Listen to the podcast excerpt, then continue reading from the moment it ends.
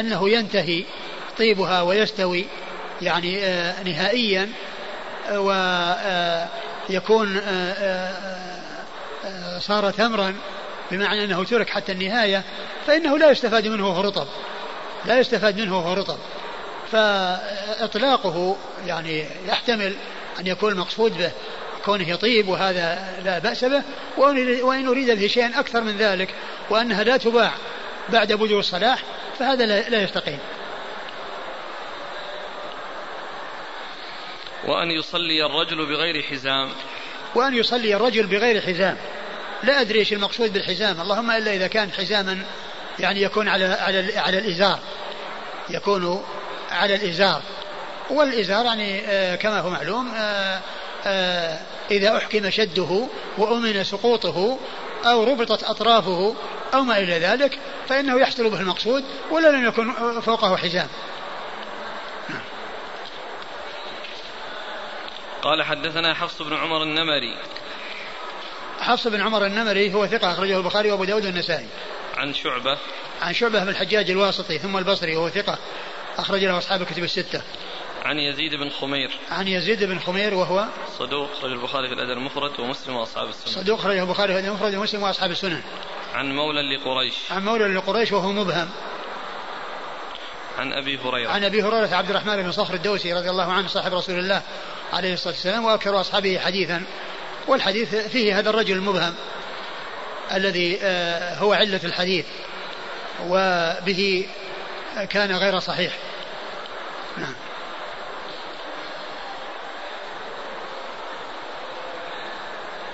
قال حدثنا أبو بكر محمد بن خلاد الباهلي قال حدثنا يحيى بن سعيد عن سليم بن حيان قال أخبرنا سعيد بن مينا قال سمعت جابر بن عبد الله رضي الله عنهما يقول نهى رسول الله صلى الله عليه وآله وسلم أن تباع الثمرة حتى تشقح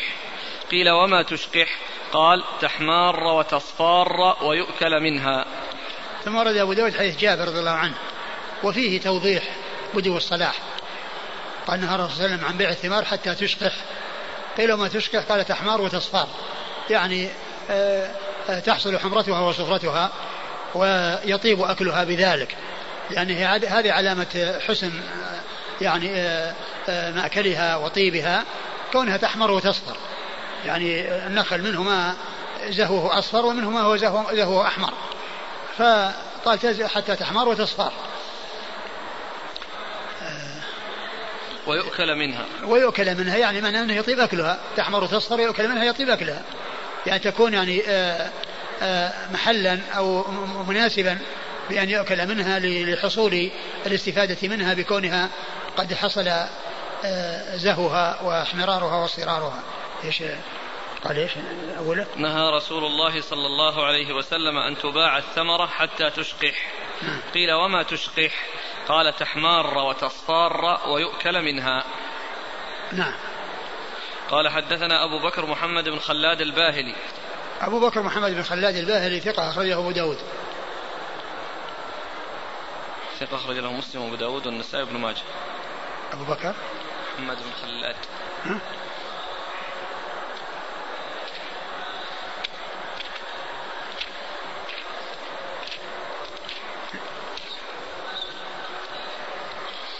محمد بن خلاد بن كثير الباهلي أبو بكر البصري ثقة أخرج له مسلم وأبو داود والنسائي بن ماجه إيه نعم ذاك اللي هذاك محمد بن محمد محمد بن محمد بن خلاد هذا هو الذي أخرج له أبو داود والذي سبق أن مر بنا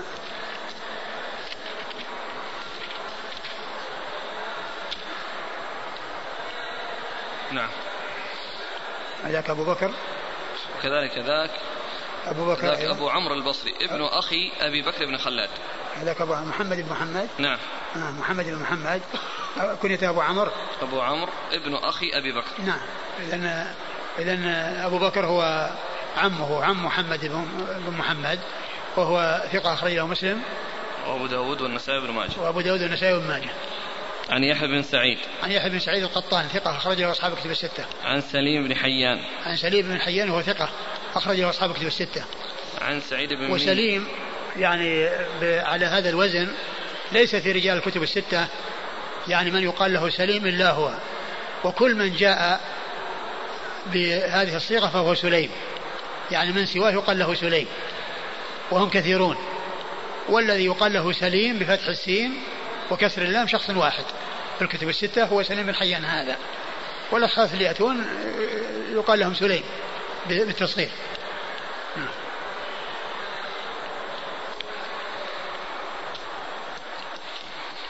عن سعيد بن مينا سعيد بن مينا ثقة أخرج له أصحاب الكتب الستة أصحاب الكتب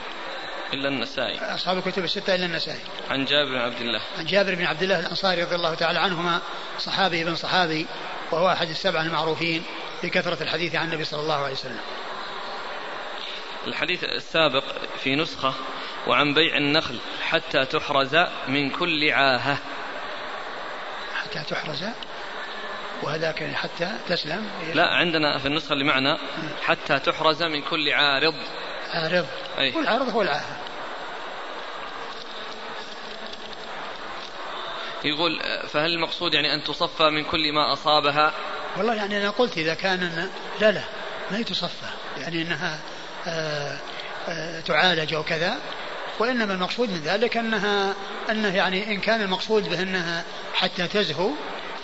فالحديث دلت على الجواز وإن كان المقصود منها أنها تسلم من العاهات وأنه يعني استوت استواء نهائيا بحيث أنها آه، ما بقي إلا أن تجذ وتدخر ولا تكون عرضة لأن تكون آه، يحصل لها عاهة وأما قضية أن كونها آه، تعالج يمكن الإنسان يشتريها إذا حصل زهوها وإن لم تعالج يمكن يشتريها للعلف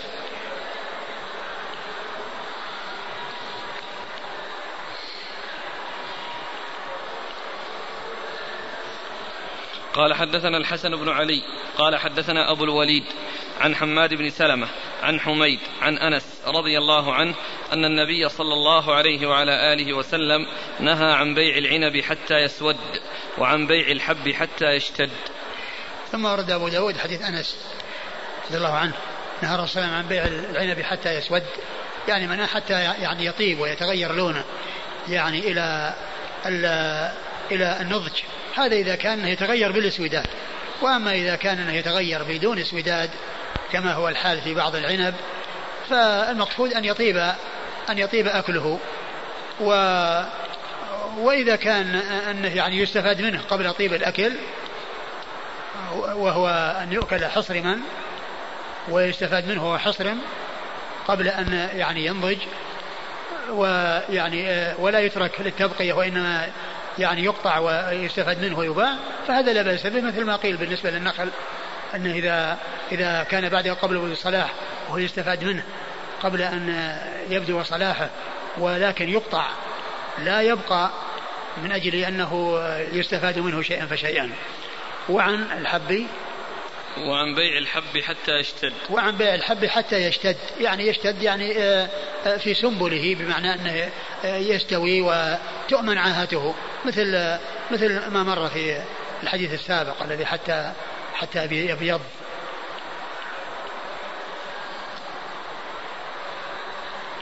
قال حدثنا الحسن بن علي الحسن بن علي الحلواني ثقة أخرجه أصحاب كتب الستة إلا النسائي. عن أبي الوليد. عن أبي الوليد وهو هشام بن عبد الملك الطيالسي ثقة أخرجه أصحاب كتب الستة. عن حماد بن سلمة. حماد بن سلمة ثقة أخرجه البخاري تعليقا ومسلم وأصحاب السنن.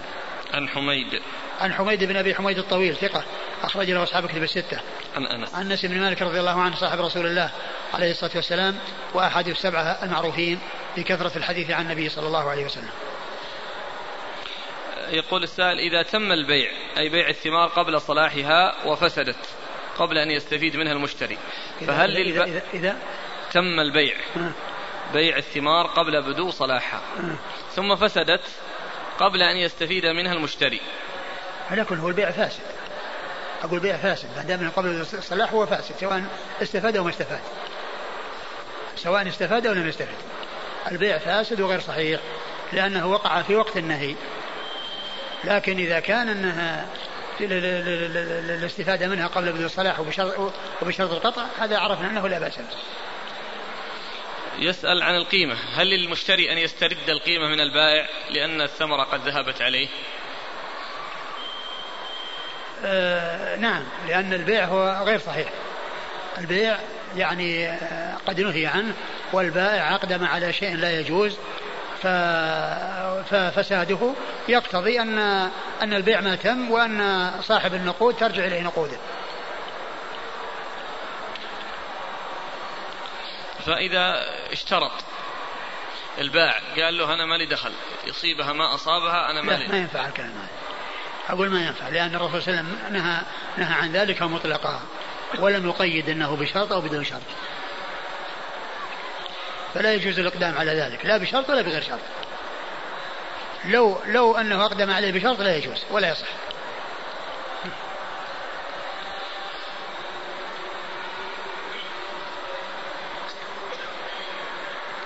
قال حدثنا أحمد بن صالح قال حدثنا عنبسة بن خالد قال حدثني يونس قال سألت أبا الزناد عن بيع الثمر قبل أن يبدو صلاحه وما ذكر في ذلك فقال كان عروة بن الزبير يحدث عن سهل بن أبي حثمة عن زيد بن ثابت رضي الله عنهما أنه قال كان الناس يتبايعون الثمار قبل أن يبدو صلاحها فإذا جد الناس وحضر تقاضيهم قال المبتاع قد أصاب الثمر الدمان وأصابه قشام وأصابه مراد عاهات يحتجون بها فلما كثرت خصومتهم عند النبي صلى الله عليه واله وسلم قال رسول الله صلى الله عليه وعلى اله وسلم كالمشوره يشير بها فاما لا فلا تتبايع الثمره حتى يبدو صلاحها لكثره خصومتهم واختلافهم ثم اورد ابو داود حديث آه، زيد بن ثابت زيد بن ثابت رضي الله عنه الذي فيه آه، بيان يعني السبب في تحريم بيع ثمرة قبل ذوي صلاحها وأنه يترتب على ذلك أنهم يشترونها وهي لم تزهو من أجل أن يبقوها حتى حتى تزهو ويستفيدون منها فيحصل لها أمراض قبل بدو صلاحها فعندما يأتون للتقاضي والاستيفاء يقول المشتري آه، حصل لها كذا وحصل لها كذا وحصل لها كذا وحصل لها فكثرت خصوماتهم فالنبي صلى الله عليه وسلم قال يعني آه، آه،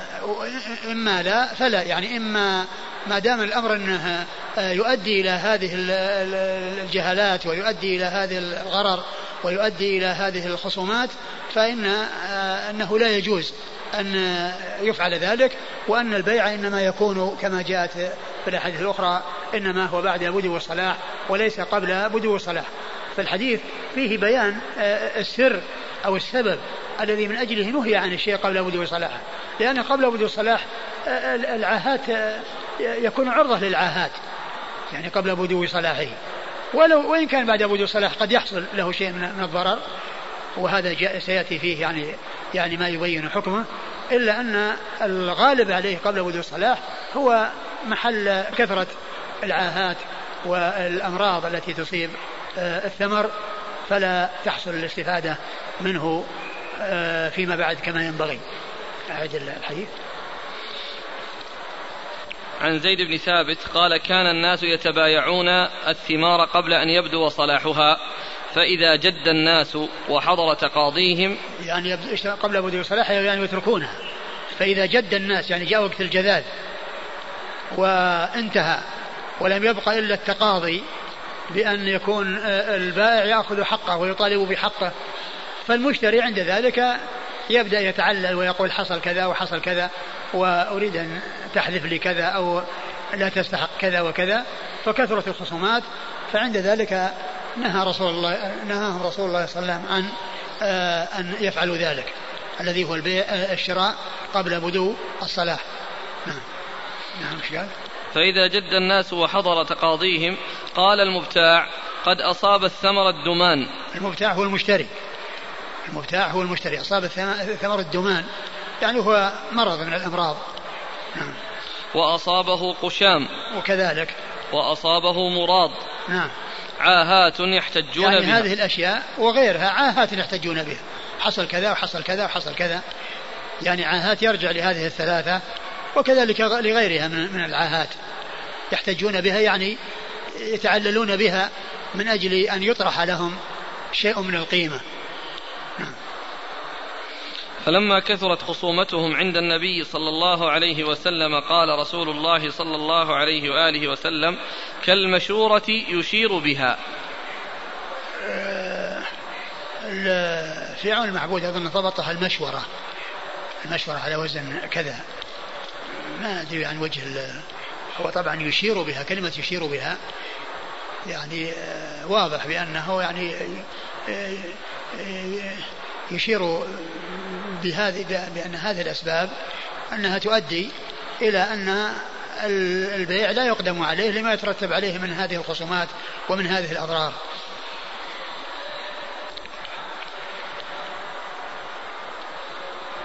كالمشورة يشير بها فإما لا فلا, تبايع فلا تتبايعوا فلا تتبايعوا الثمرة حتى يبدو صلاحها إما لا يعني ما دام الأمر كذلك فلا يكون البيع قبل وجوب الصلاح يعني ما دام الأمر كذا وهو أنه يحصل منكم هذه الخصومات وهذا الاختلاف وهذا التنازع فلا تفعلوا حتى يبدو يحصل بدو الصلاح وبذلك تسلموا من هذه الخصومات ومن هذه المنازعات نعم الآن في قوله كالمشورة أو كالمشورة يشير بها يقول السائل ألا يدل على عدم التحريم لأنها مشورة وليست إلزام هو جاء حديث واضحة في, في, في, في الإلزام أقول جاء حديث واضحة في الإلزام يعني قبل ذلك لكن يعني هذا يعني يفيد أن هذا هو السبب وأنه عند ذلك أرشدهم إلى إلى إلى, إلى هذا لكن لكن آه النهي الأصل فيه أنه يقتضي التحريم وذلك لما يترتب عليه من الخلاف والتنازع الذي يجري بين الناس نعم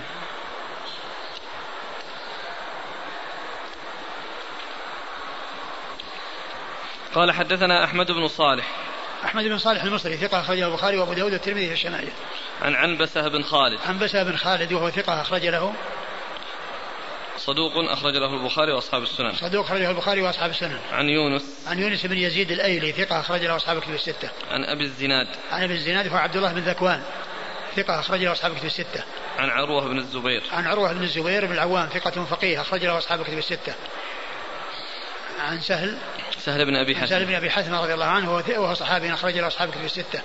عن زيد بن ثابت رضي الله عنه وهو صحابي اخرج له اصحاب كتب السته. طيب في هذه الحالة إذا كان يعني كان البيع بعد بدو الصلاح يقول السائل ثم أصاب الثمر حريق سيأتي الجوائح سيأتي يعني قال حدثنا إسحاق بن إسماعيل الطالقاني قال حدثنا سفيان عن ابن جريج عن عطاء عن جابر رضي الله عنه أن النبي صلى الله عليه وعلى آله وسلم نهى عن بيع الثمر حتى يبدو صلاحه ولا يباع إلا بالدينار أو بالدرهم إلا العرايا ثم ورد أبو داود حديث جابر أن النبي صلى الله عليه وسلم نهى عن بيع الثمر قبل أن يبدو صلاحه وهذا مثل ما تقدم قال ولا يباع إلا بالدينار والدرهم يعني معناه أنه لا يباع بتمر يعني من جنسه لأن هذا المزابنة التي مر النهي عنها ثم قال إلا العرايا فإنها مستثنات من كونه باع بتمر أنه يباع يعني ما في رؤوس النخل بتمر يدفع مقدما عند الاتفاق لمالك النخل والذين اشتروا النخلات يستفيدون منها شيئا فشيئا كما مر في الدرس الماضي يعني معناه أن, أن البيع لهذه الثمار إنما هو بالدراهم والدنانير ولا يباع بالتمر لأن هذا لا يجوز وهو المزابنة الذي سبق أن مر آه، مرت الأحاديث فيها في الدرس الماضي وقد استثني منها العرايا التي هي في حدود أقل من خمسة أوسق كما مر في الدرس الماضي نعم بس هذا على إطلاقه ولا على جنسه فقط لما يباع كيف يعني الآن لو لأنه ثمر نخل الآن لا لو أنه بغير جنسه يقول ولا يباع إلا بالدينار أو لا بالدرهم يمكن يمكن غير يمكن أن يباع بغير آه، المهم أنه لا يباع بالجنس وأما لو بيع بغير الدراهم والدنانير بأن يقول يعني مثلا ب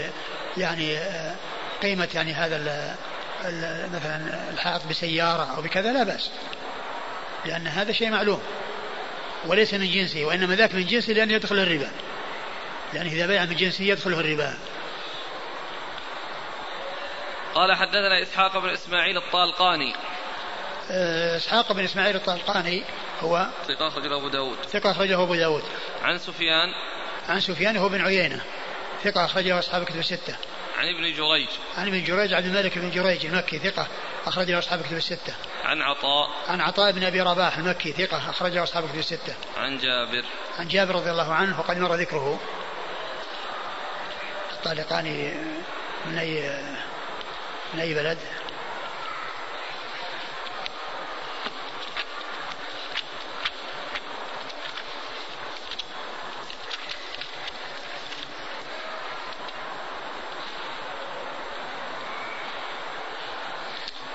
يقول نزيل بغداد قال ايش ايش كلام قال؟ اسحاق بن اسماعيل الطالقاني ابو يعقوب نزيل بغداد يعرف باليتيم على كل يعني الثلاثة من الرجال مكيون اللي هم سفيان بن عيينة وابن جريج وعطاء بن أبي رباح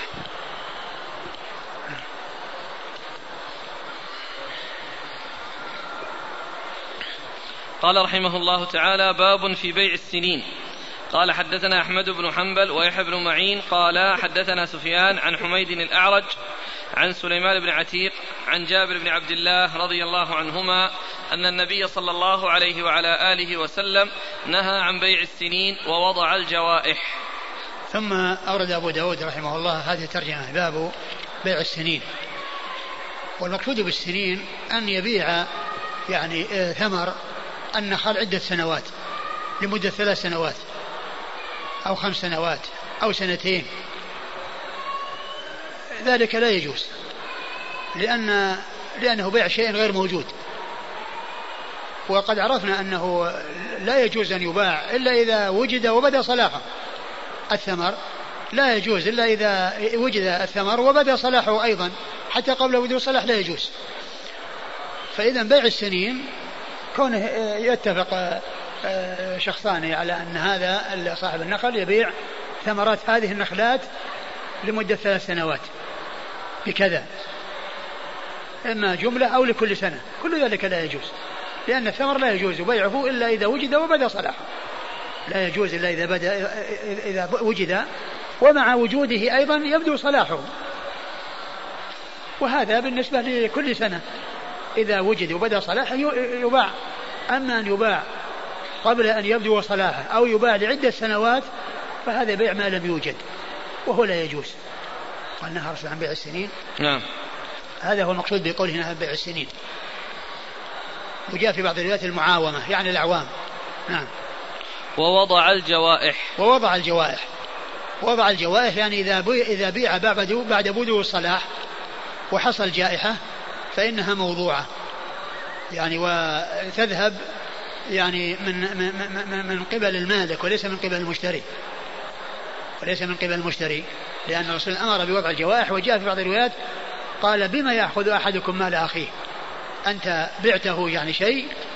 على أنه يعني يحصل له ويستفيد منه ثم حصل يعني شيء يمنع من الاستفادة فبأي شيء يأخذ أحدكم مال أخيه فهذا مقصد الجوائح يعني الـ الـ الـ الـ الأشياء التي تصيب آه، الثمر بعد بدو صلاحه فإنه آه، آه، يعني يرجع فيه على المالك الذي باعه ويؤخذ في مقابل ما نقص منه بسبب الجائحة إن كان النقص جزئيا وإن كان كليا فإنه يرجع عليه بكل آآ آه، آآ آه، يعني ما دفع ما دفع له نعم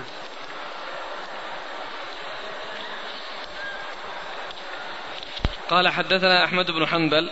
أحمد بن حنبل أحمد بن محمد بن حنبل الشيباني الإمام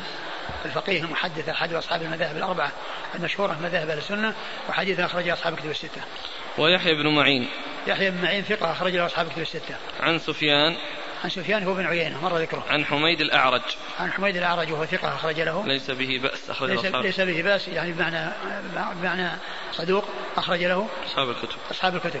عن سليمان بن عتيق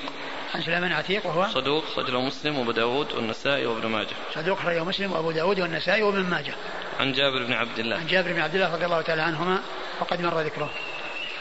قال أبو داود لم يصح عن النبي صلى الله عليه وعلى آله وسلم في الثلث شيء وهو رأي أهل المدينة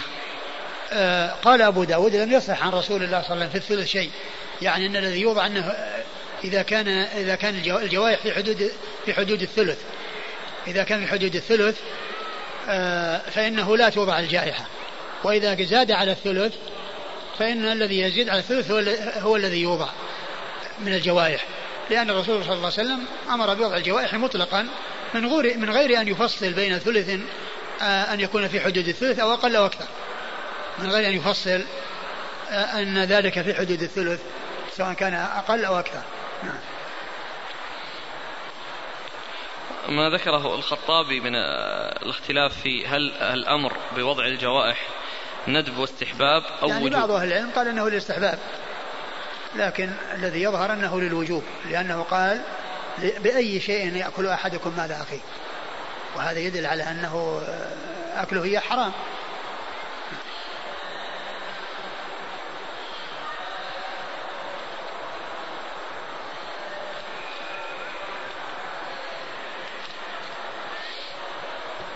قال حدثنا مسدد قال حدثنا حماد عن أيوب عن أبي الزبير وسعيد بن مينا عن جابر بن عبد الله رضي الله عنهما أن النبي صلى الله عليه وآله وسلم نهى عن المعاومة وقال أحدهما بيع السنين ثم رد أبو داود حديث جابر النبي نهى عن المعاومة وقال أحدهما آه، أي أحد آه، الراويين شيخ أبو داود لا تلاميذ جابر أبو الزبير وسعيد نعم بن مينا تلاميذ جابر نعم آه، أبو الزبير وسعيد الميناء أحدهما قال المعاوم والثاني قال السنين وهما بمعنى واحد نعم. قال حدثنا مسدد مسدد بن مسرهد ثقة أخرجه البخاري وأبو داود والترمذي والنسائي. عن حماد وحماد هو بن سلمة إذا جاء حماد حماد بن, زيد إذا جاء إذا جاء حماد غير منسوب والذي يرى عنه مسدد فالمقصود بحماد بن زيد. المقصود به حماد بن زيد وحماد بن زيد ثقة أخرجه أصحابه الستة.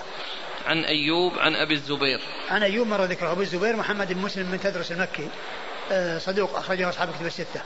وسعيد بن مينا عن جابر بن عبد الله وقد مر ذكرهما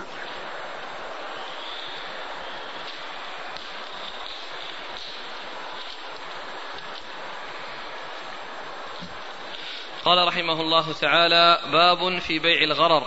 قال حدثنا أبو بكر وعثمان ابن أبي, أبي, ابن أبي شيبة قال حدثنا ابن إدريس عن عبيد الله بن أبي زياد عن أبي الزناد عن الأعرج عن أبي هريرة رضي الله عنه أن النبي صلى الله عليه وعلى آله وسلم نهى عن بيع الغرر زاد عثمان والحصاه ثم ورد أبو داود باب في بيع الغرر نعم في بيع الغرر أي في النهي عنه والمقصود ببيع الغرر هو الذي يكون آه، المقصود منه يعني لا يعني آه، آه، يتحقق حصوله أو أن أو أنه يكون غير موجود أو غير مقدور على تسليمه أو غير مقدور على تسليمه مثل السمك في الماء والطير في الهواء والعبد الآبق والناقة الضالة أو غير ذلك من الأشياء التي يعني قد لا يتمكن من تسليمها لا يتمكن من التسليم أو يكون آه، آه، المقصود منه يعني لا يحصل وإن كان أنه يمكن ممكن التسليم لأنه لا يحصل المقصود آه، من من من, من, من البيع هذا يقال له غرر و وقد أورد أبو داود في عدة أحاديث أوله حديث أبي هريرة أبي هريرة رضي الله عنه قال نهى نهى النبي صلى الله عليه وسلم عن بيع الغرر نهى الرسول صلى الله عليه وسلم عن بيع الغرر و زاد عثمان والحصاة زاد عثمان والحصاة والحصاة هي من بيع الغرر والحصاة هي من بيع الغرر وهو أنه إما أن يقول آه، أبيعك يعني قطعة من الأرض مقدار ما تصل إليها الحصات ثم يرجم حصات يحذفها فالذي تصل إليه الحصات هذا هو المبيع وهذا فيه غرر لأن الناس يتفاوتون في الرجم من الناس من تكون رميته بعيدة ومنهم من تكون قصيرة فهذا فيه جهالة وفيه غرر لا بد من أن يكون المبيع محدد يعني متيقن حدوده وبدايته ونهايته أما شيء قابل لأن يزيد وينقص وفيه غرر آه، فإن ذلك لا يجوز وبيع الحصاة هو من بيع الغرر نعم قال حدثنا أبو بكر أبو بكر, بن أبو بكر بن أبي شيبة ثقة أخرجه أصحابه في الستة إلا الترمذي وأخوه عثمان بن أبي شيبة أخرج أصحابه في الستة إلا الترمذي وإلا النسائي فقد أخرج له في عمل يوم الليلة عن ابن إدريس عن ابن ادريس عبد الله بن ادريس ثقه اخرج له اصحاب كتب السته. عن عبيد الله بن ابي زياد. عبيد الله بن ابي زياد وهو ليس بالقوي اخرجه ابو داود والترمذي وابن ماجه. ليس بالقوي اخرجه ابو داود والترمذي وابن ماجه. عن ابي الزناد عن الاعرج عن ابي هريره. عن ابي الزناد عن الاعرج عن ابي هريره وقد مر ذكرهم ومعلوم ان هذا الشخص الذي ليس بالقوي لا يؤثر لان الاحاديث كثيره جاءت عن نهي عن نهي عن بيع الغرار وكذلك جاءت عن بيع الحصاد.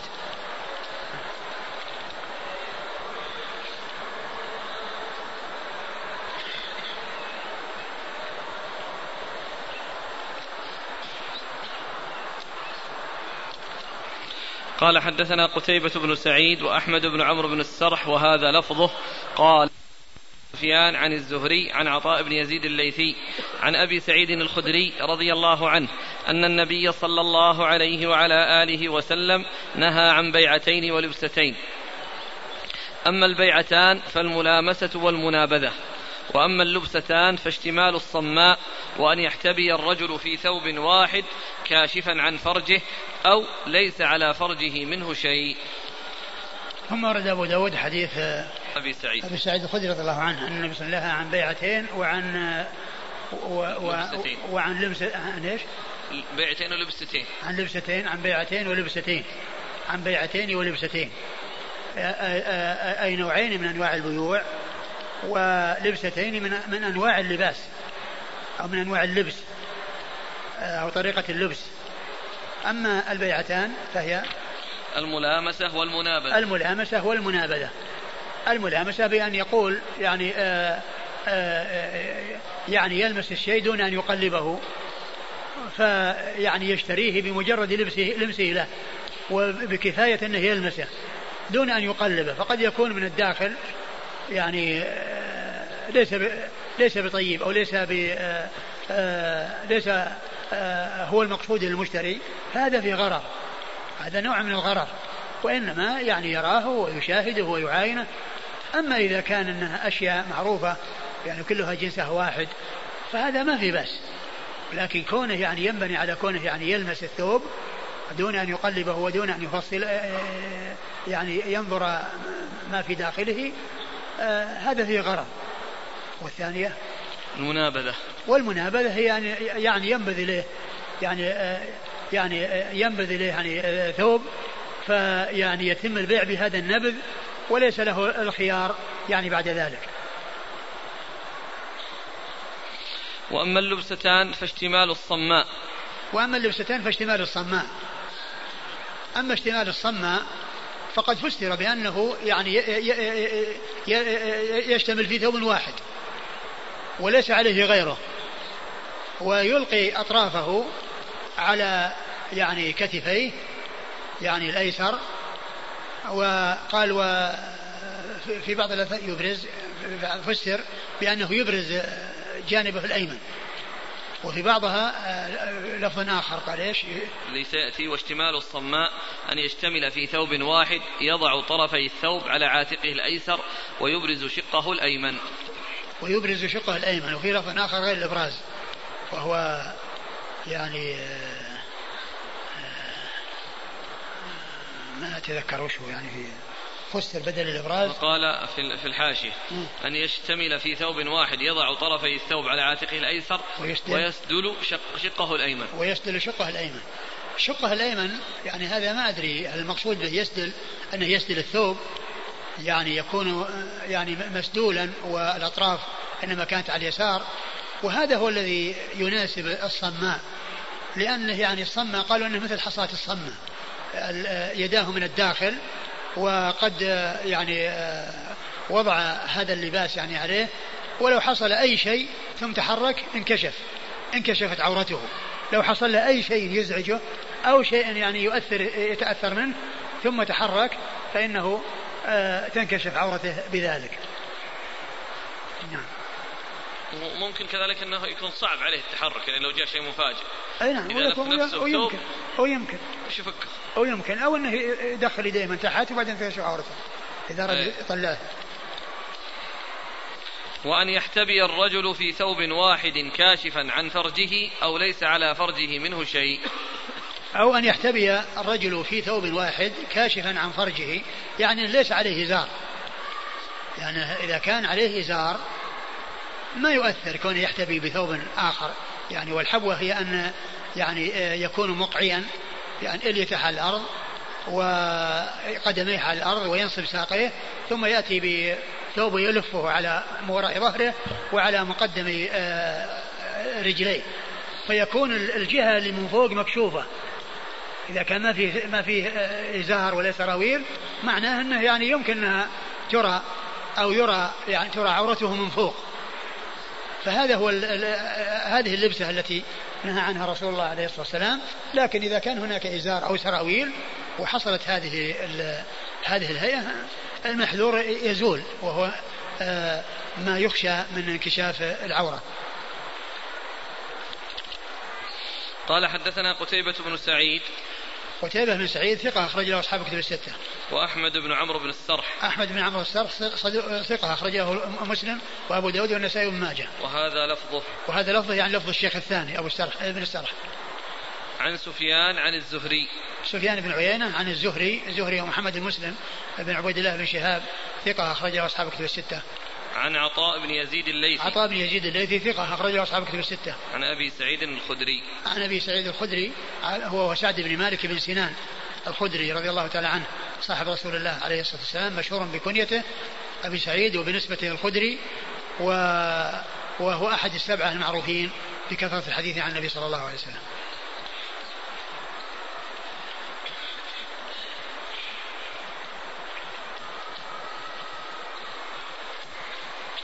قال حدثنا الحسن بن علي قال حدثنا عبد الرزاق قال أخبرنا معمر عن الزهري عن عطاء بن يزيد الليثي عن أبي سعيد الخدري رضي الله عنه عن النبي صلى الله عليه وعلى آله وسلم بهذا الحديث زاد واشتمال الصماء أن يشتمل في ثوب واحد يضع طرفي الثوب على عاتقه الأيسر ويبرز شقه الأيمن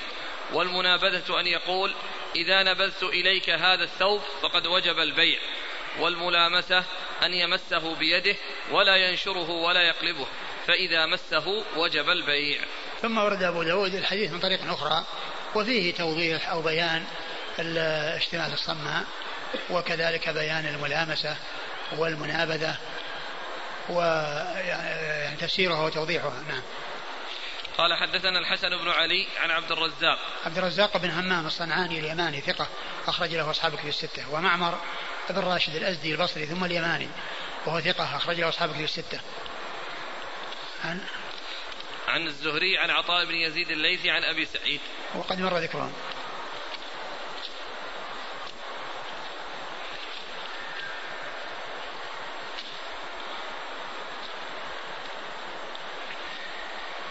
قال حدثنا أحمد بن صالح قال حدثنا عنبسة بن خالد قال حدثنا يونس عن ابن شهاب قال أخبرني عامر بن سعد بن أبي وقاص أن أبا سعيد الخدري رضي الله عنه قال نهى رسول الله صلى الله عليه وعلى آله وسلم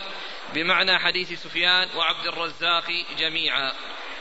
ثم ورد أبو داود بطريقة أخرى وأحال فيها على الطريقين السابقتين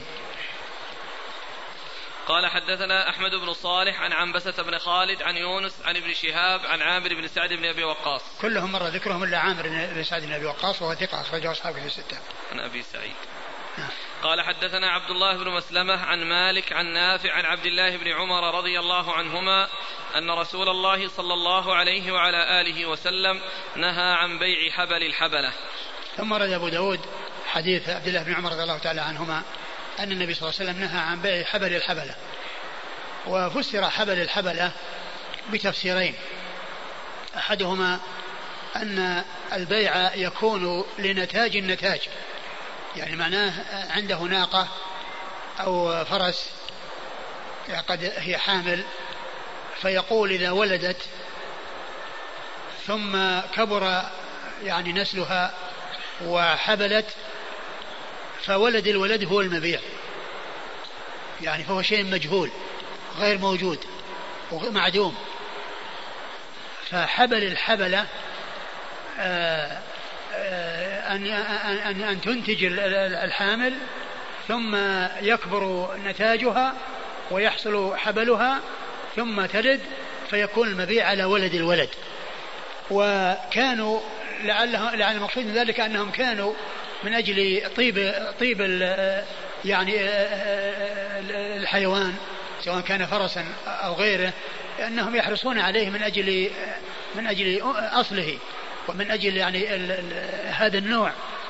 لعل هذا هو السبب وهو طبعا لا يجوز لانه بيع مجهول بيع معدوم او يفسر بان التاجيل بانه يشتري من شيء ويجعل الاجل انه يوفيه اذا جاء نتاج النتاج جاء نتاج النتاج وهذا أيضا لا يجوز والكل فيه غرر كل من هذا وهذا فيه غرر نعم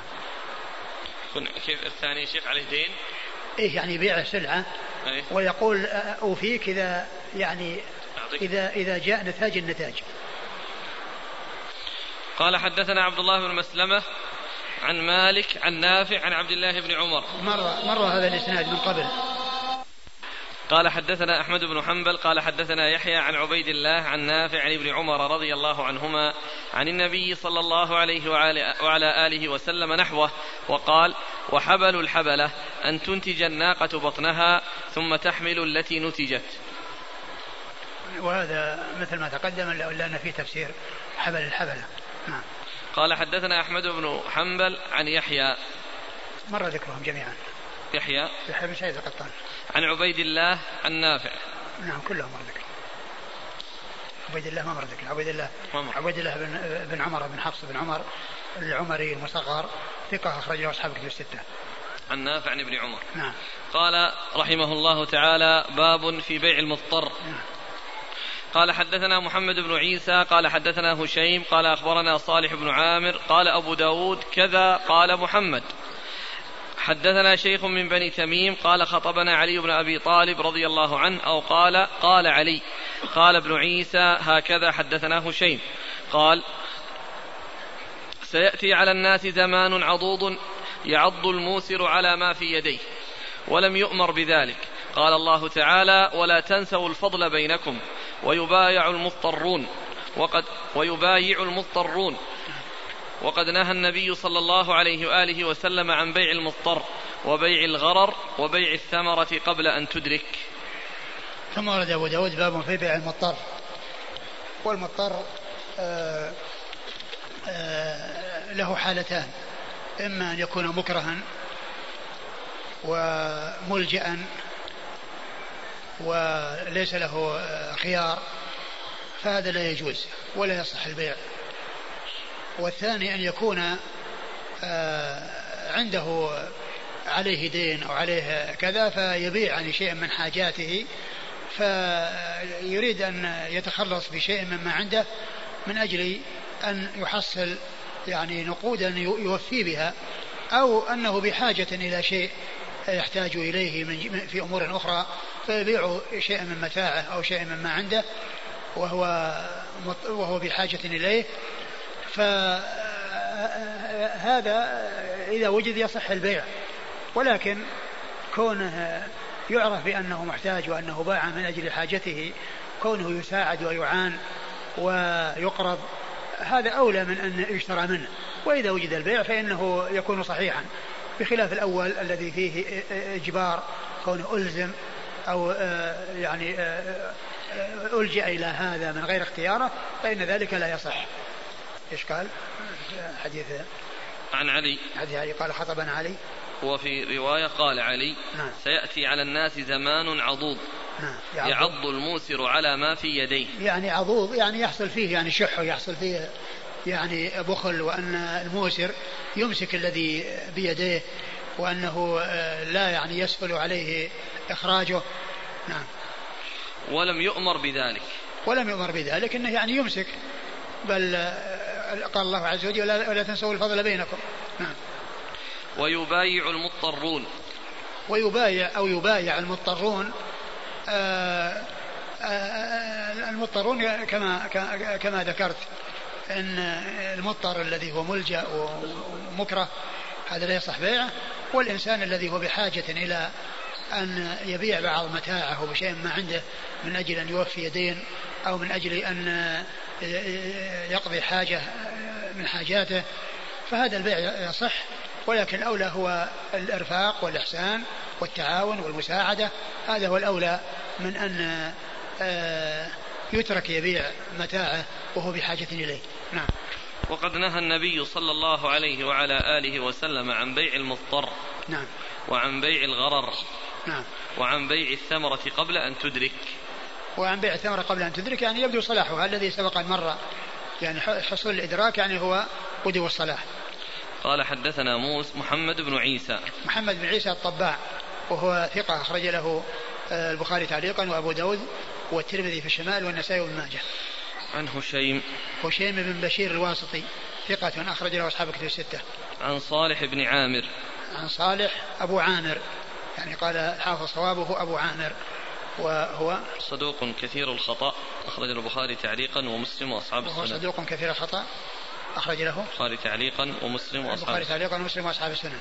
قال أبو داود كذا قال محمد نعم عن شيخ من بني تميم عن شيخ من بني تميم هذا مبهم نعم عن علي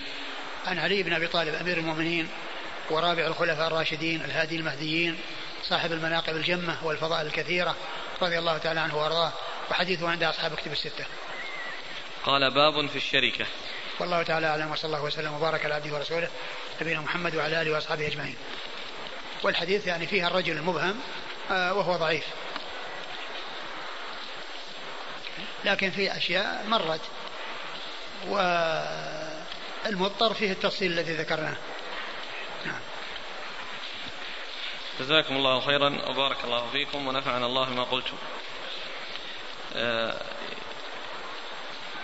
يسأل الأخ عن حكم الأجار المنتهي بالتمليك هذه من المسائل الجديدة التي حدثت في هذا الزمان وأذكر أن الشيخ عبد العزيز بن باز رحمة الله عليه كان يعني آه، آه، يؤخر الافتاء بها عندما يسأل وقال انه يعني كلف من يبحثها وبعد ذلك بحثت المساله وانتهى الامر الى ان آه، انه حصل منعها وان قالوا انها لا تجوز وافتوا بعدم جوازها الأخ يقول الآن عندنا في الجامعة تباع البونات لطلاب الثانوي بسعر مخفض فهل يجوز لطلاب الثانوي أن يشتروا هذه البونات ثم بيعها على طلاب الكلية بسعر أكثر لا ليس مما اشتروه ليس لهم ذلك لأن لأن هذه السندات التي يعطوا إياها آه، وقد بيعت لهم بسعر مخفض إن كان محتاجا إليها يأخذها ويستفيد منها وإن كان غير محتاج لها يتركها لا أنه يعني يشتريها ثم يتكسب من ورائها بالنسبة لوضع الجوائح هل هو خاص بالزراعة لو أن رجل اشترى من آخر سيارة ووقعت عليها آفة حادث أو سرقت السيارة أبدا, أبدا لا هذا ما له دخل أقول هذه البيع هذا شيء انتهى البيع وأما هذا فقد يعني جعل يعني شيء يستفاد منه شيء فشيء لأن هذا استلم السيارة ودخلت في ملكه ويستفيد منها في الحال وانقطعت صلة المالك بها هل المنع عن الاحتباء في يوم الجمعة عند الاستماع إلى الخطبة يزول إذا أمن من كشف العورة لا ما هو, ما هو الاحتباء من أجل كشف عورة لأن الإنسان يأتي وقد لبس اللباس الذي يطمئن فيه إلى السلامة من كشف العورة وإنما المقصود من ذلك من أجل لا يحصل له نوم أو نعاس والخطيب يخطب فيغفل عن الخطبة أو أنه يعني يحصل له يعني شيء قد ينتقض وضوءه فيحتاج إلى أنه يخرج وليس من أجل انكشاف العورة انكشاف العورة يعني آه، اللي هو الاحتباء هذا خاص وهو أنه بثوب واحد ويكون بهذه الهيئة وليس عنده إلا هذا الثوب ومعنى هذا لو أنه قام خلاص يعني آه، آه، انكشف ثم أيضا عورته بادية من فوق أما الاحتباء يوم الجمعة الإنسان عليه لباس كامل وعليه يعني القميص وعليه السراويل و... ويحتلي وبعدين يعني يضع راسه بين رجليه وينام يكون سبب للنوم هذا هو السبب امرأة حامل في الشهر التاسع وحملت شيء ثقيل فأحست بحركة داخل الرحم وبعد أيام أحست بآلام فذهبت إلى المستشفى وأخبروها بأن الجنين قد مات منذ أيام فهل عليها كفارة والله إذا كان أن هذا يعني هذا الموت بسبب هذا الحمل الذي حملته وهو ثقيل وهي يعني آه، أقدمت على ذلك الله الذي يبدو ان يكون عليها كفارة لأنه متسببة في الهلاك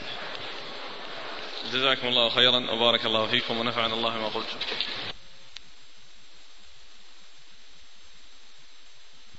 بسم الله الرحمن الرحيم الحمد لله رب العالمين والصلاة والسلام على عبد الله ورسوله نبينا محمد وعلى آله وصحبه أجمعين أما بعد قال الإمام أبو داود السجستاني رحمه الله تعالى باب في الشركة قال حدثنا محمد بن سليمان المصيصي قال حدثنا محمد بن الزبرقان عن أبي حيان التيمي عن أبيه عن أبي هريرة رضي الله عنه رفعه قال إن الله يقول أنا ثالث الشريكين ما لم يخن أحدهما صاحبه فإذا خانه خرجت من بينهما بسم الله الرحمن الرحيم الحمد لله رب العالمين وصلى الله وسلم وبارك على عبده ورسوله نبينا محمد وعلى آله وأصحابه أجمعين أما بعد فيقول الإمام أبو داود السجستاني رحمه الله تعالى باب في الشركة والشركة هي الاشتراك يعني في تجارة سواء كان ذلك بأن يكون كل منهما منه آه، مال وعمل بأن يشتركوا في المال والعمل أو بأن يكون واحد منه المال والثاني منه العمل أو يكون ليس بأيديهم مال ولكن عندهم عمل وأن يشتغلوا بأبدانهم فكل هذه من مما يدخل في الشركة مما يدخل في الشركة والأصل فيها الجواز إلا إذا وجد شيء أو شرط شرط يعني يؤدي إلى أمر آه، فيه غرر وفيه جهالة أو فيه محذور أو في آه، ما إلى ذلك فإنه لا يجوز مثل ذلك الشرط وقد ذكر وقد أورد أبو داود رحمه الله حديث أبي هريرة أبي هريرة رضي الله عنه أن النبي صلى الله عليه وسلم قال أنا ثابت الشريكين إن الله يقول أن الله تعالى يقول النبي عليه الصلاة والسلام أن الله يقول يعني هو حديث قدسي أنا ثالث الشريكين ما لم يكن أحدهما صاحبه فإذا خانه خرجت من بينهما والمقصود من ذلك أن الله مع الشريكين يعني في تسديده وإعانته وتوفيقه ما داموا صادقين ولم يكن هناك خيانة التي تقتضي ألا يحصل مقتضى الاشتراك مع الصدق من السداد والتوفيق بأن يكون أو يترتب على ذلك عكسه وهو أن آه، لا يحصل ذلك الذي كان يحصل مع الصدق فيرتفع ويمنعان ذلك بسبب الخيانة فيكونان في الأول حصل لهما بركة وفي الثاني نزعت منهما البركة بسبب الخيانة التي حصلت بينهما أو من منهما أو من أحدهما وهذا الحديث من أحاديث المعية والمعية كما هو معلوم عند العلماء معية عامة ومعية خاصة والمعية الخاصة هي التي تكون من الله عز وجل بالحفظ والكلاءة والإعانة والتسديد والتوفيق والمعية العامة هي التي تكون لكل أحد ولا يختص بها أحد دون أحد ومن المعية الخاصة ما جاء في هذا الحديث ومنها ما جاء في آه، قصة أبي بكر مع رسول الله عليه الصلاة والسلام في الهجرة وفي طريق الهجرة لما كان رسول الله عليه الصلاة والسلام ومعه أبو بكر في الغار وكان الكفار أرسلوا من يبحث عنهما فكان بعض الذين أرسلوا للبحث وصلوا إلى باب الغار ووقفوا عند باب الغار فكان أبو بكر فكان رسول الله عليه الصلاة والسلام وأبو بكر يريان أقدام هؤلاء الكفار فقال أبو بكر لو أن أحدهم نظر إلى موضع قدمه لأبصرنا فقال له النبي صلى الله عليه وسلم ما ظنك باثنين الله ثالثهما ما ظنك باثنين الله ثالثهما يعني بحفظه وكلأته وتسديده وإعانته وأما المعية العامة فهي مثل قول الله عز وجل ما يكون من نجوى ثلاثة إلا هو رابعهم ولا خمسة إلا هو سادسهم ولا أدنى من ذلك ولا أكثر إلا هو معهم أينما كانوا ثم ينبئهم بما عملوا يوم القيامة إن الله بكل شيء عليم فهذه معية عامة تكون لكل أحد وأما المعية الخاصة فهي التي تكون بالنصر والتأييد والتسديد والتوفيق ومنه ما جاء في هذا الحديث والحديث فيه ضعف الحديث يعني فيه ضعف لكن لا شك أن أن الصدق سبب لحصول البركة وأن الخيانة والكذب سبب من أسباب ما نعم، أحق البركة والحديث آه، آه، والحديث فيه كلام نعم قال حدثنا يعني في اسناده نعم حدثنا قال حدثنا محمد بن سليمان المصيصي محمد بن سليمان المصيصي ثقة أخرج له أبو داود والنسائي أبو داود والنسائي عن محمد بن الزبرقان عن محمد بن الزبرقان وهو صدوق ربما وهم أخرج أصحاب الكتب إلى الترمذي صدوق ربما وهم أخرج أصحاب الكتب الستة إلى الترمذي عن أبي حيان التيمي عن أبي حيان التيمي هو يحيى بن سعيد يحيى بن سعيد بن حيان التيمي هو ثقة أخرجه أصحاب الكتب الستة ويحيى بن سعيد يحيى بن يحيى بن سعيد بن حيان هذا في طبقة يحيى بن سعيد الأنصاري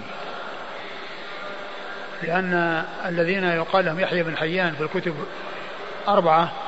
يحيى بن سعيد يحيى بن سعيد اثنان في طبقة متقدمة واثنان في طبقة متأخرة فاللذان في طبقة متأخرة يحيى بن سعيد بن حيان هذا ويحيى بن سعيد الأنصاري وهما من طبقة صغار التابعين واثنان في طبقة متأخرة وهم يحيى بن سعيد القطان ويحيى بن سعيد الأموي ويحيى بن سعيد الأموي هذا هؤلاء في طبقة متأخرة وأبو يحيى بن سعيد سعيد بن حيان قال حفظ عنه وثقه العجلي ولم يجزم بتوثيقه ابن حجر وإنما آز توثيقه إلى العجلي والعجلي آه، قريب من ابن حبان عنده تساهل عنده تساهل فمن أجل ذلك بعض أهل العلم تكلم في آه، الحديث من أجل سعيد بن حيان هذا الذي هو والد يحيى بن سعيد و... أبو داود والترمذي وأخرجه أبو داود والترمذي نعم نعم نعم أبو داود والترمذي عن أبي هريرة عن أبي هريرة عبد الرحمن بن صخر الدوسي صاحب رسول الله صلى الله عليه وسلم وأكثر أصحابه حديثا عن الإطلاق رضي الله عنه وأرضاه قال رفعه رفع يعني أبو هريرة يعني رفعه إلى رسول الله عليه الصلاة والسلام وهي بمعنى قال رسول الله عليه الصلاة والسلام أو سمعت رسول الله صلى الله عليه وسلم لأن كلمة رفعه أو ينميه أو يبلغ به كلها بمعنى واحد لأنها بمعنى الرفع بمعنى الرفع ولعل آه الذي يقولها ممن دون الصحابي آه لعله آه السبب في ذلك أنه ما أتقن الصيغة التي أضافها إلى رسول الله عليه الصلاة والسلام ولكن كلمة رفعه هذه يحصل بها المقصود وأن أي واحد سواء قال سمعت أو قال قال رسول الله فإن الكل مرفوع إلى رسول الله عليه الصلاة والسلام لعل السبب في الاتيان بكلمة رفعه أن أنه غير مجزوم بالصيغة التي قالها الصحابي ولكن ولكن أتي بصيغة آه، لا شك أنها آه، تؤدي الغرض وتحقق المطلوب دون أن يكون هناك تعيين للفظ وتحديد للفظ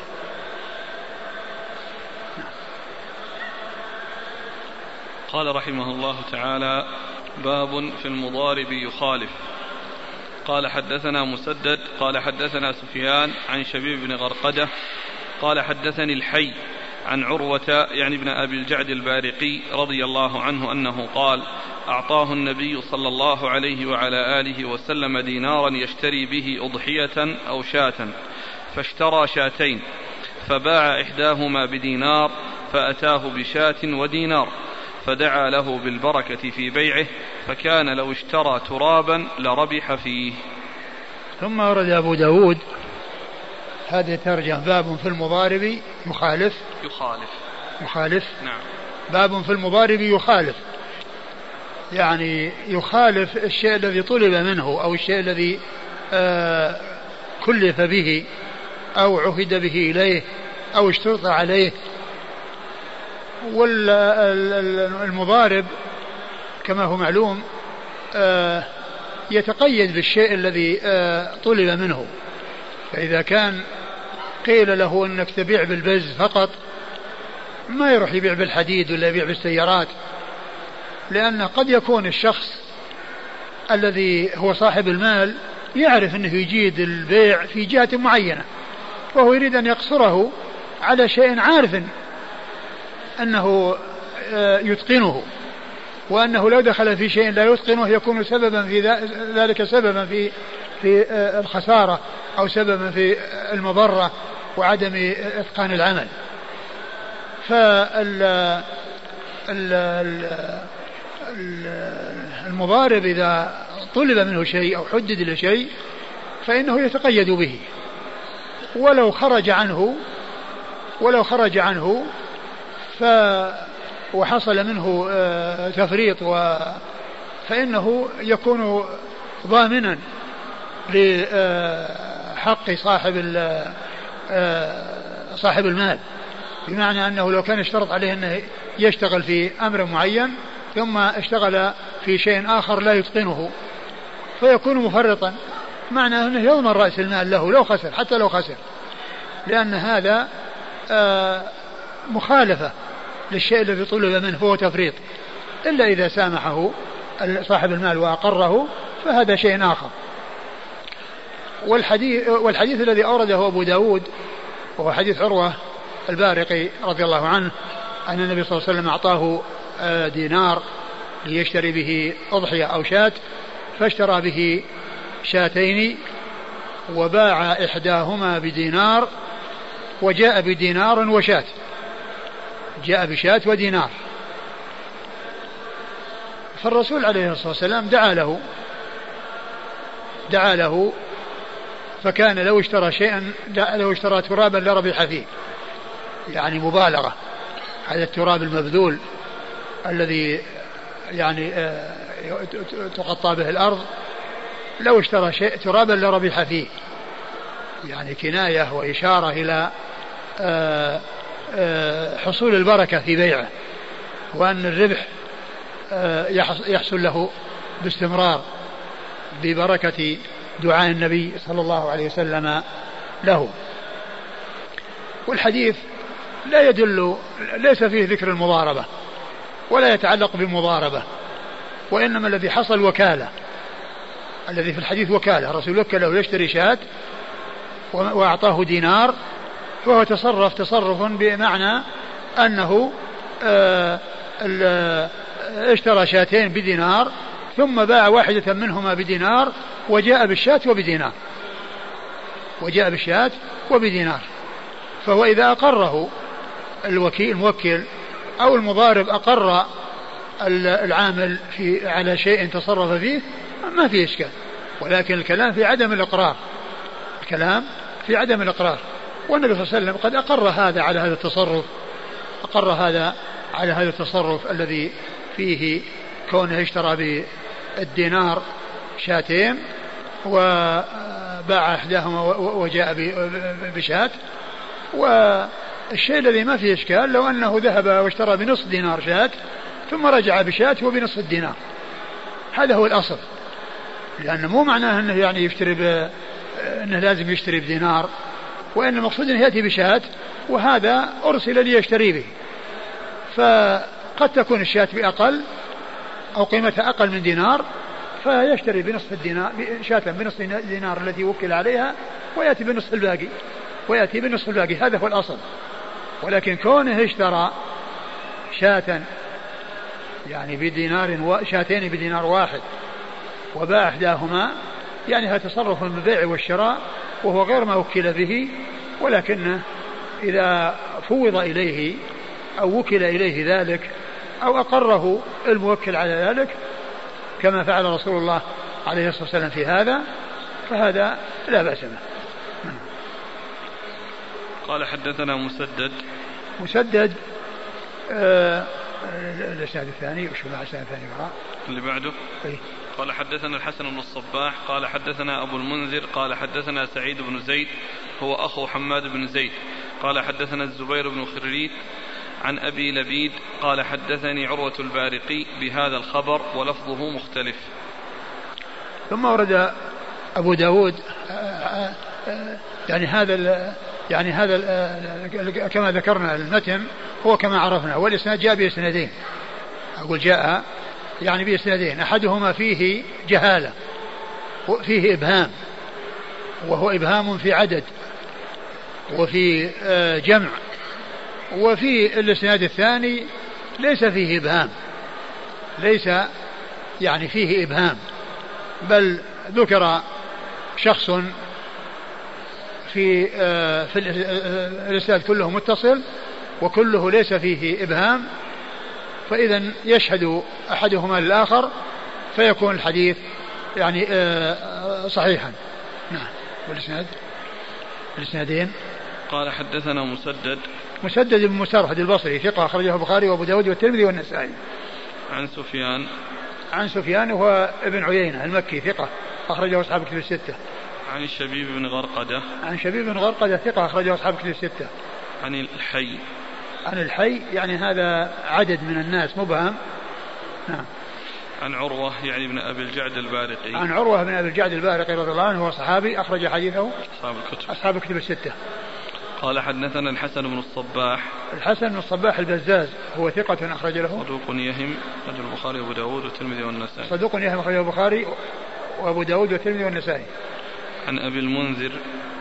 عن أبي المنذر وهو معيد بن عمر الواسطي إسماعيل بن عمرو الواسطي وهو أخرج البخاري في خلق ثقة أخرج البخاري في خلق أفعال العباد ومسلم وأبو داود والنسائي وهو ثقة أخرجه البخاري في خلق أفعال العباد ومسلم وأبو داود والنسائي عن سعيد بن زيد أخو حماد بن زيد سعيد بن زيد أخو حماد بن زيد بن درهم وهو ثقة صدوق له أوهام وهو مقبول صدوق له أوهام صدوق صدوق له اوهام اخرج حديثه البخاري تعليقا ومسلم وابو داود والترمذي البخاري تعليقا ومسلم وابو داود والترمذي وابن ماجه وابن ماجه عن الزبير بن الخريت عن الزبير بن الخريت وهو ثقة أخرج أصحاب الكتب إلا النسائي ثقة أخرج أصحاب الكتب الستة إلا النسائي عن أبي لبيد عن أبي لبيد وهو لمازة ابن زبار ابن ابن زبار لمازة بن زبار وهو ثقة صدوق أخرج, أخرج له أبو داود والترمذي وابن ماجه وهو صدوق أخرج له أبو داود والترمذي وابن ماجه عن عروة نعم وقد مر ذكره فالحديث يعني يكون صحيح يعني بهذه الطريقة الثانية والإبهام الذي في الأولى أيضا يعني آه، فيه أيضا ذكر الكم ذكر العدد الكبير وأنهم حي وأنهم يعني آه، ليس بشخص واحد لكن الطريق الثاني هذا هو الذي آه، يعول عليه يقول الأخ هذا ما يعرف عند الفقهاء ببيع الفضولي إلا هو هذا بيع الفضولي هذا يسمى عند الفقهاء بيع الفضولي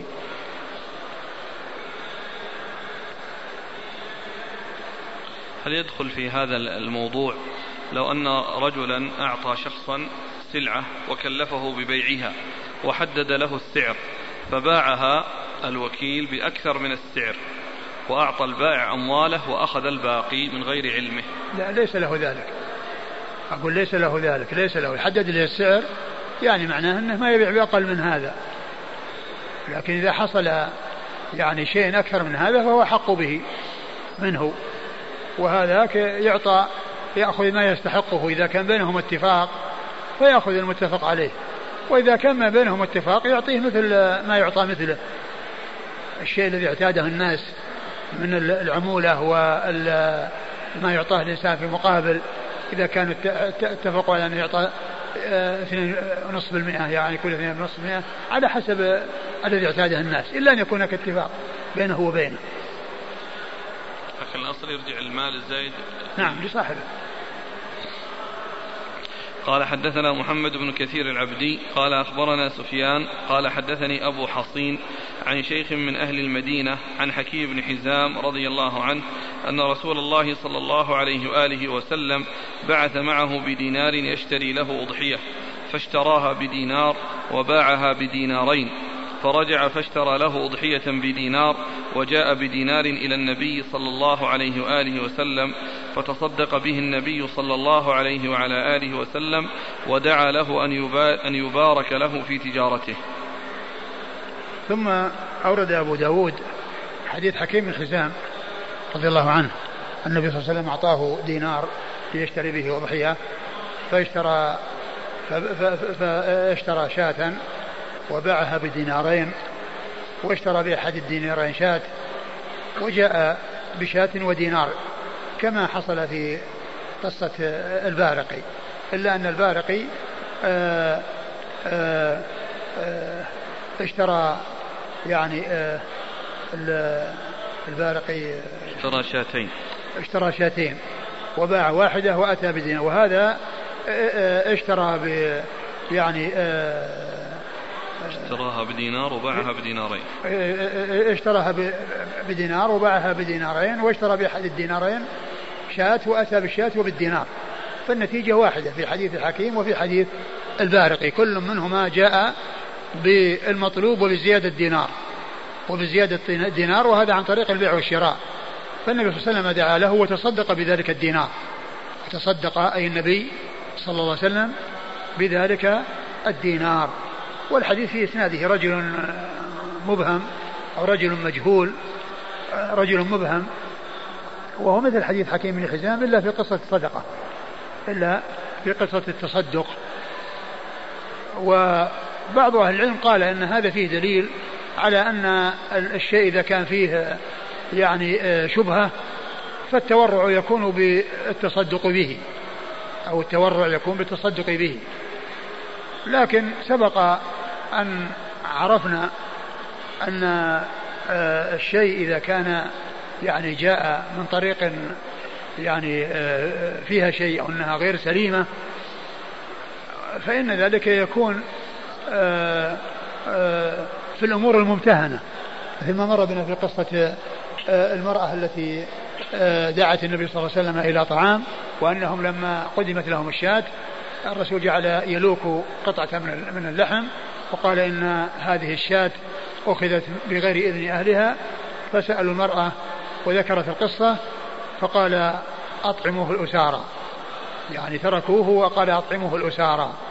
وهذا الحديث سبق أن مر بنا قريبا قبل أيام نعم ايش وجه الدلاله يا شيخ؟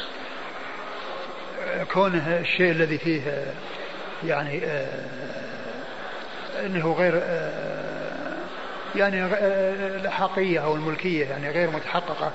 وأنه يعني فيه آه، جاء من طريق حرام أو من طريق يعني في شبهة أنه يتخلص منه في أمر ممتهن لكن هذا ايش وجه الشبهه الان نعم. حكيم بن حزي... حكيم بن حزام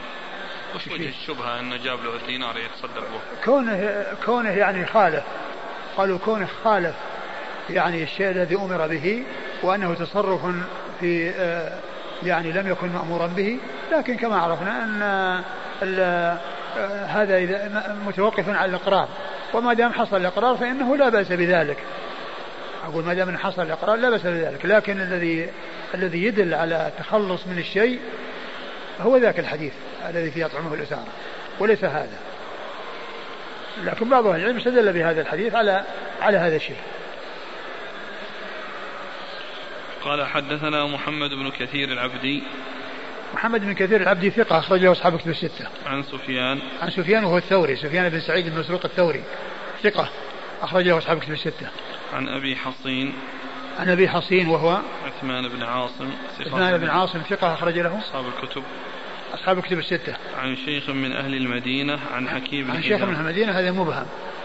عن حكيم بن حزام رضي الله عنه حديث أخرجه أصحاب الكتب الستة.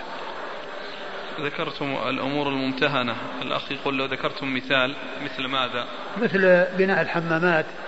ومثل تعبيد الطرق كل هذه من الأمور الممتهنة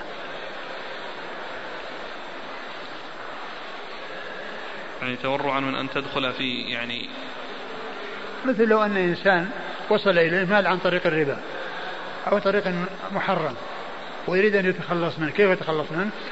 يتخلص منه بصرفه في أمور ممتهنة يقول ولا يعني. يتصدق به المحذور يعني انه لأن يعني, يعني أن الله طيب ولا يقبل إلا طيبا وهذا المقصود التخلص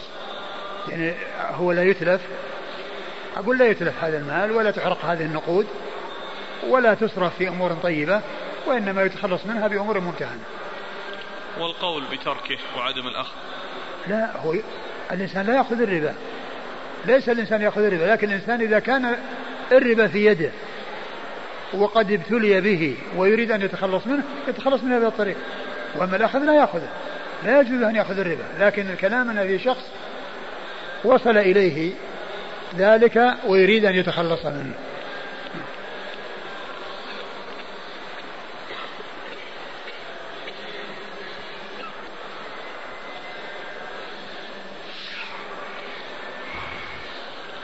الاحتمال الثاني الذي ذكره صاحب العون نقلا عن النيل ويحتمل أن يتصدق به لأنه قد خرج عنه للقربة لله تعالى في الأضحية فكره أكل ثمنها يمكن يمكن له وجه هذا يعني كون يعني ذلك الدينار أراد أن يكون لله وأنه لما آه، اشتري به يعني هذا الذي هو آه، آه، بعض هذا المقدار اشتري به وهو إنما أخرج الدينار لله أيضا له وجه الحديث الثاني كذلك لا يناسب آه، الترجمة أي نعم كلها لا تناسب الترجمة لأن ما فيها ما فيها مضاربة المضاربة المضاربة هي شركة أو من أنواع الشركة وهي كون واحد يدفع آه، واحد عنده مال والثاني ما عنده مال ولكن عنده قدرة على العمل فيشتركان هذا بماله وهذا بجهده هذا برأس المال وهذا بالعمل وهذا بالعمل فهذه قالها مضاربة قيل لها مضاربة لأنها تحتاج إلى الضرب في الأرض والأسفار والانتقال لتنمي لتنمية المال لتنمية المال وهي شركة مجمع عليها لا خلاف فيها بين أهل العلم لا خلاف بين أهل العلم في المضاربة وأنها جائزة فهي محل اتفاق وليس فيه خلاف وكان ابن القيم ابن تيمية رحمه الله يقول أن آه، المسائل الإجماع تستند إلى نص وأنه وأن بعض أهل العلم يقول ما من مسألة أجمع عليها إلا ولها نص مستندة إليه يعني إما جلي وإلا خفي ثم قال والمسألة التي كان يقال أنه أنها إجماع مجرد وليس فيها نص هي المضاربة قال والمضاربة ورد فيها نص وهي أنها من من المعاملات اللي كانت في الجاهلية والإسلام جاء وقرها والإسلام جاء وقرها فإذا إقرار الإسلام لها هو نص لأن السنة قول وفعل وتقرير قول وفعل وتقرير فهي من, من, من الأمور اللي كانت في الجاهلية وأقرها الإسلام فإذا هو إجماع مستند إلى نص وهو التقرير تقرير النبي صلى الله عليه وسلم على هذه الأعمال اللي كانت في الجاهلية فالرسول أقرها وأبقاها ومعلوم أن أعمال الجاهلية منها ما أبطله الإسلام ومنها ما أقره الإسلام منها ما أبطله الإسلام ومنها ما أقره الإسلام ومما أقر هذه المسألة وكذلك اعتبار الولي في النكاح كما جاء عن عائشة كان الرجل الجاهلية يأتي إلى الرجل ويطلب منه وليته فيزوجها إياه وجاء الإسلام واعتبر الولي في النكاح فهو من أحكام كانت الجاهلية وأقرها الإسلام والمضاربة هي من هذا القبيل وهي تكون بعمل من أحدهما وبمال من أحدهما ولكن يكون الربح بالنسبة التي يتفقان عليها لا يكون بمقدار معين يقول كذا والباقي لك هذا لا يصح لأنه يمكن ما يحصل إلا هذا الذي اشترط لأحدهما فيكون الثاني ما له شيء وإنما تكون بالنسبة إما نصف وإما ثلث ثلثين وإما ربع ثلاثة أرباع على حسب ما يتفقان عليه فالنسبة فيما يحصل من الربح لا بد منها لأنه لو طلع ريال واحد هم شركاء فيه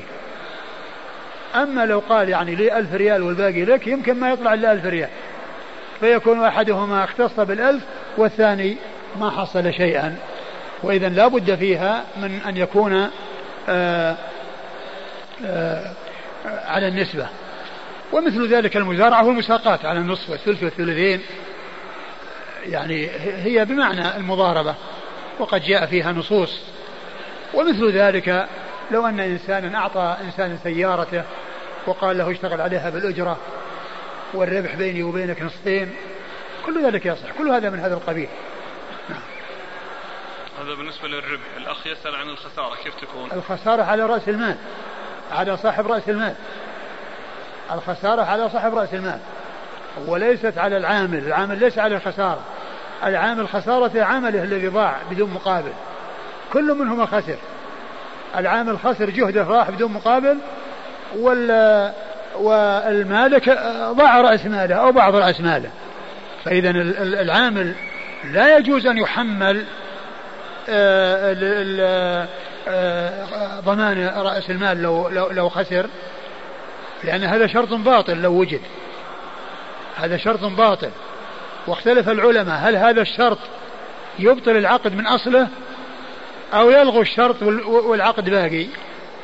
أما كونه باطل فهذا باتفاق العلماء مثل هذا الشرط هو باطل بإجماع العلماء وإنما الخلاف بينهم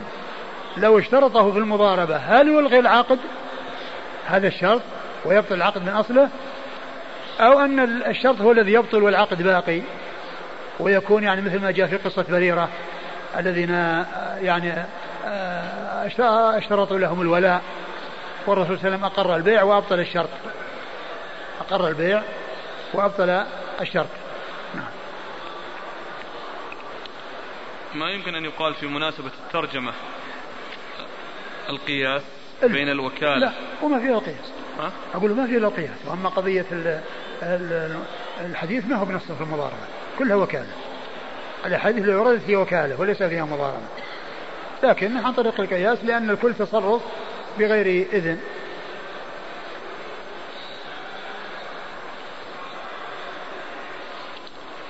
قال رحمه الله تعالى باب في الرجل يتجر في مال الرجل بغير إذنه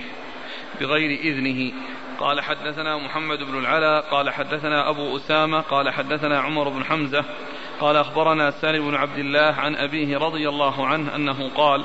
سمعت رسول الله صلى الله عليه وعلى آله وسلم يقول من استطاع منكم أن يكون مثل صاحب فرق الأرز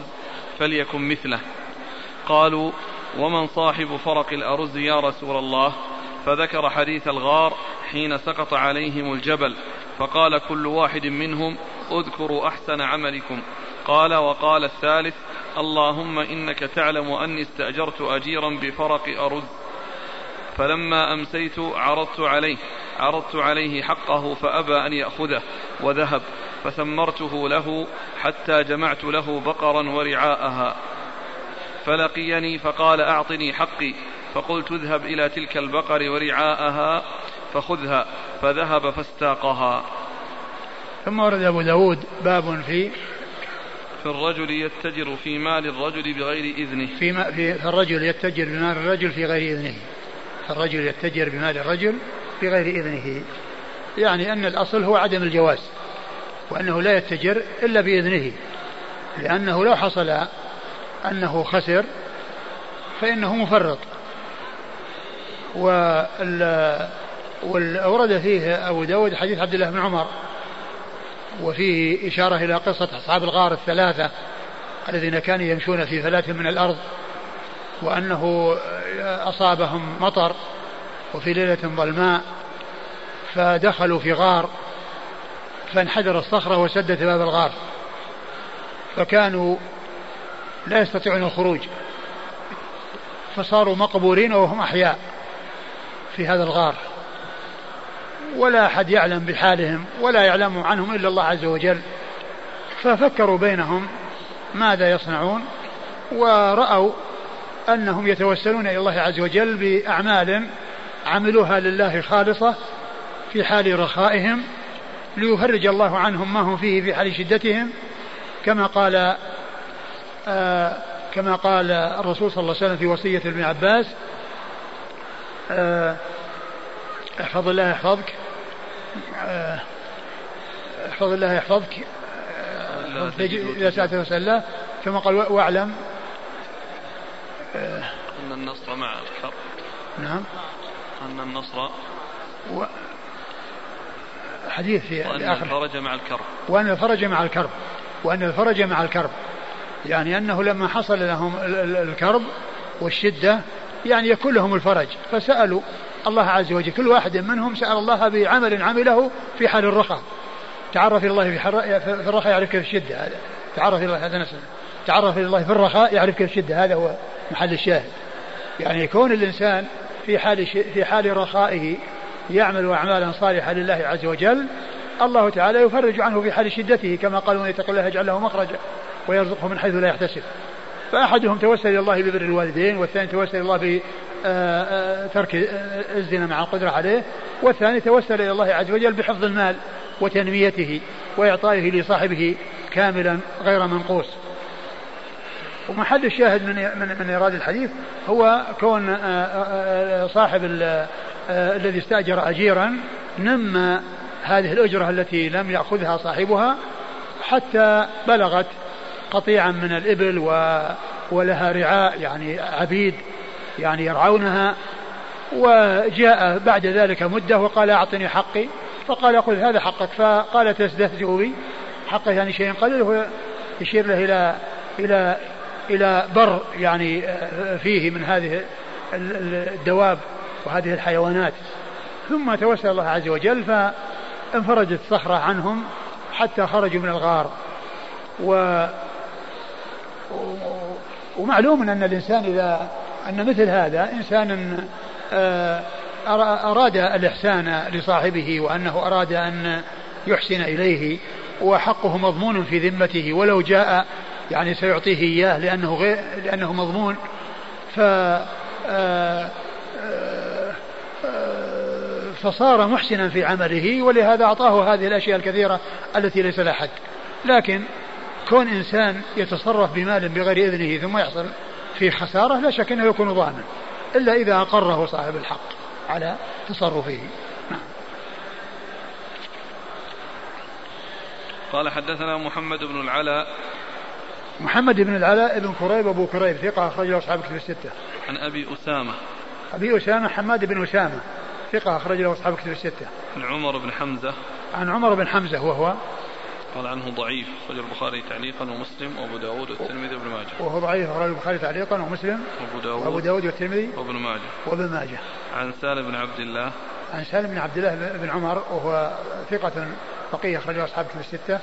عن أبيه عن أبيه عبد الله بن عمر رضي الله عنهما الصحابي الجليل أحد العباد الأربعة من الصحابة وأحد السبعة المعروفين بكثرة الحديث عن النبي صلى الله عليه وسلم والحديث يعني آه ضعيف بالقصة الذي ذكر فيه وأما قصة أصحاب الغار و آه، وتوسلهم إلى الله عز وجل بأعمالهم الصالحة فهذه ثابتة في الصحيح نعم. فيه فلما أمسيت عرضت عليه حقه فأبى أن يأخذه وذهب إيه يعني كأنه يعني آه، ما أعجبه هذا الشيء وذهب يعني كأنه غضب أو ولم يأخذه كان يعني ما رضيه أما كونه نوعا يعني ما هو جيد أو كذا فذهب ولم يأخذه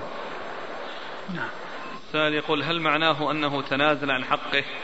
فإن كان كذلك فهل يجوز أن يرجع فيه من هو تنازل هو لا العامل لا ما تنازل ما تنازل لأنه يعني يبدو أنه سخط سخط هذا الشيء الذي يعطيه إياه وراح وذاك يمكن ترك على أساس أنه سيرجع وذهب ولم يرجع أليست هذه الترجمة تناسب الأحاديث التي قبلها الرجل يتجر في مال الرجل بغير إذنه إلا تناسب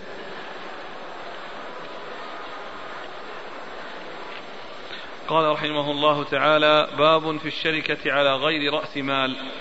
قال حدثنا عبيد الله بن معاذ قال حدثنا يحيى قال حدثنا سفيان عن أبي إسحاق عن أبي عبيدة عن عبد الله رضي الله عنه انه قال اشتركت انا وعمار وسعد رضي الله عنهما فيما نصيب يوم بدر قال فجاء سعد باسيرين ولم اجئ انا وعمار بشيء ثم ورد ابو داود في الشركه على غير راس المال يعني في الابدان يعني شركه بالابدان بان يكون اشخاص يتفقون فيما بينهم على انهم يعملون ثم يجمعون يعني ما يحصلونه ثم يقتسمونه ثم يقتسمونه بأن يكون مثلا حطابين أو يعني يكون عمال أو يكونون يعني مثلا مثل مثل ما جاء يعني ما يصيبونه من الـ من الـ في الجهاد يعني يشتركون فيه هذه قالها شركة أبدان لأن ما فيها رأس مال وإنما يعملون وما يحصلونه هم هم شركاء فيه أورد أبو داود حديث عبد الله مسعود قال اشتركت انا وعمار وسعد يوم بدر فيما نصيب فجاء عمار و فجاء سعد فجاء سعد باسيرين ولم اتي انا وعمار بشيء وهم شركاء يعني معناه انهم اشتركوا في الاسيرين معناه انهم مشتركون في الاسيرين والاصل هو جواز مثل هذه الشركه لا باس بها لكن الحديث الذي ورد آه، ضعيف من جهه ان ابا عبيده بن عبد الله بن مسعود لم يسمع من ابيه فهو منقطع نعم قال حدثنا عبيد الله بن معاذ عبيد الله بن معاذ العنبري ثقة أخرج له البخاري ومسلم وأبو داود النسائي عن يحيى عن يحيى بن سعيد القطان ثقة أخرجه أصحاب كتب الستة عن سفيان عن أبي إسحاق عن سفيان هو الثوري وأبو إسحاق هو السبيعي عمرو بن عبد الله الهمداني ثقة أخرجه أصحاب كتب الستة عن أبي عبيدة عن أبي عبيدة بن عبد الله بن مسعود وهو ثقة أخرج أصحاب الكتب أخرجه أصحاب الكتب نعم أخرجه أصحاب الكتب الستة عن أبيه عبد الله بن مسعود الصحابي الجليل رضي الله تعالى عنه وأرضاه وحديثه أخرجه أصحاب الكتب الستة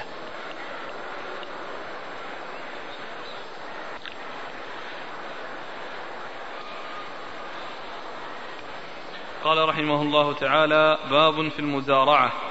قال حدثنا محمد بن كثير قال أخبرنا سفيان عن عمرو بن دينار قال سمعت ابن عمر رضي الله عنهما يقول ما كنا نرى بالمزارعة بأسا حتى سمعت رافع بن خديج رضي الله عنه يقول إن رسول الله صلى الله عليه وعلى آله وسلم نهى عنها فذكرته لطاووس فقال قال لي ابن ذكرته فذكرته لطاووس إيه. نعم. فذكرته لطاووس فقال قال لي ابن عباس رضي الله عنهما إن رسول الله صلى الله عليه وآله وسلم لم ينه عنها ولكن قال لأن يمنح أحدكم أرضه خير من أن يأخذ عليها خراجا معلوما ثم ورد أبو داود باب المزارعة والمزارعة هي استئجار الأرض بجزء معلوم النسبة مما يخرج منها يعني على النصف أو الثلث والثلثين آه، واحد يدفع الأرض والثاني يعمل فهي من جنس المضاربة إلا أن المضاربة واحد دفع فلوس رأس مال وذاك يعمل وهذا دفع أرضا ليعمل, ليعمل عليها أو ليعمل يعني يشتغل فيها وتزرع وتستثمر والثاني عامل مزارع يشتغل فيها فهي على النصف أو الثلث والثلثين أو على نسبة معينة سائغة وجائزة ولا بأس بها ومما يدل عليها قصة معاملة الرسول صلى الله عليه وسلم لأهل خيبر اليهود فإنه عاملهم على النصف مما يخرج منها من من ثمر وزرع فهي دليل على صحة المزارعة وصحة المساقات قصة خيبر تدل على ثبوت المزارعة وعلى ثبوت المساقات لكن جاء أحاديث عديدة في المزارعة فيها فيها النهي وفيها يعني آه، آه، آه، ذكر آه، آه، آه، الأولوية وأن كونه يعطيها أو يعيرها أولى من كونه يأخذ عليها ثمنا معلوما والذي هو واضح في هذه المسألة أنها سائغة وجائزة ولا شك أن كون الإنسان يعطي ويعير ويرفق أولى من كونه يؤجر ولكن إن أجر فإن ذلك صحيح وذاك إن حصل فهو أحسن إن حصل فهو أحسن الذي كونه كونه يعيره ويعطيه إياه يعني منيحة يمنحها يعني بحيث يزرعها ويستفيد منها أقول لا بأس بذلك وإن أجره فإن الإجارة صحيحة وقد ثبتت ذلك في قصة خيبر وفي غيرها ثم أيضا جاء في بعض الأحاديث المزارعة أن أن المنع كان لسبب وهو أنهم كانوا يشترطون واحي معينة فيقول واحد منهم لي الذي ينبت في المكان الفلاني أو لي القطعة الفلانية ولك القطعة الفلانية طبعا وهذا لا يجوز الرسول منع من ذلك لأنه قد تحصل هذه الجهة هي التي تثمر والجهة الثانية هي التي ما يحصل فيها شيء فيكون أحدهما استقل عن صاحبه بالفائدة لكن إذا كان على النسبة من نصف أو ربع أو ثلث فإن أي شيء ولو قل هم شركاء فيه وإن حصل خسارة فإن الربح يذهب عنهم جميعا هذا أرضه استخدمت بدون فائدة ولم يحصل من وراها طائل وهذا عمل ولم يحصل طائلا أما كون أحدهما يشترط آه، آه، جهة معينة أو نوع من الثمر معين يقول نخلات الفلانية أو النوع الفلاني من النخل لي والنوع الثاني لك ذلك لا يجوز وإنما الذي يجوز هو الاشتراك على نسبة يتفقان عليها من ثلث أو ثلثين أو نصفين أو آه، ربع ثلاثة أرباع لأن بهذا يكون كل واحد منهما يحصل شيء من الربح حصل وإن حصل خسارة فكل قد خسر قال إيش حديث ابن عمر حديث قال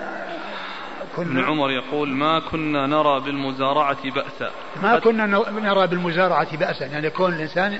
آه، يؤجر أرضه بجزء مما يخرج منها معلوم النسبة ما كنا نرى بها بأسا حتى حتى سمعت رافع بن خديج يقول إن رسول الله صلى الله عليه وآله وسلم نهى عنها نهى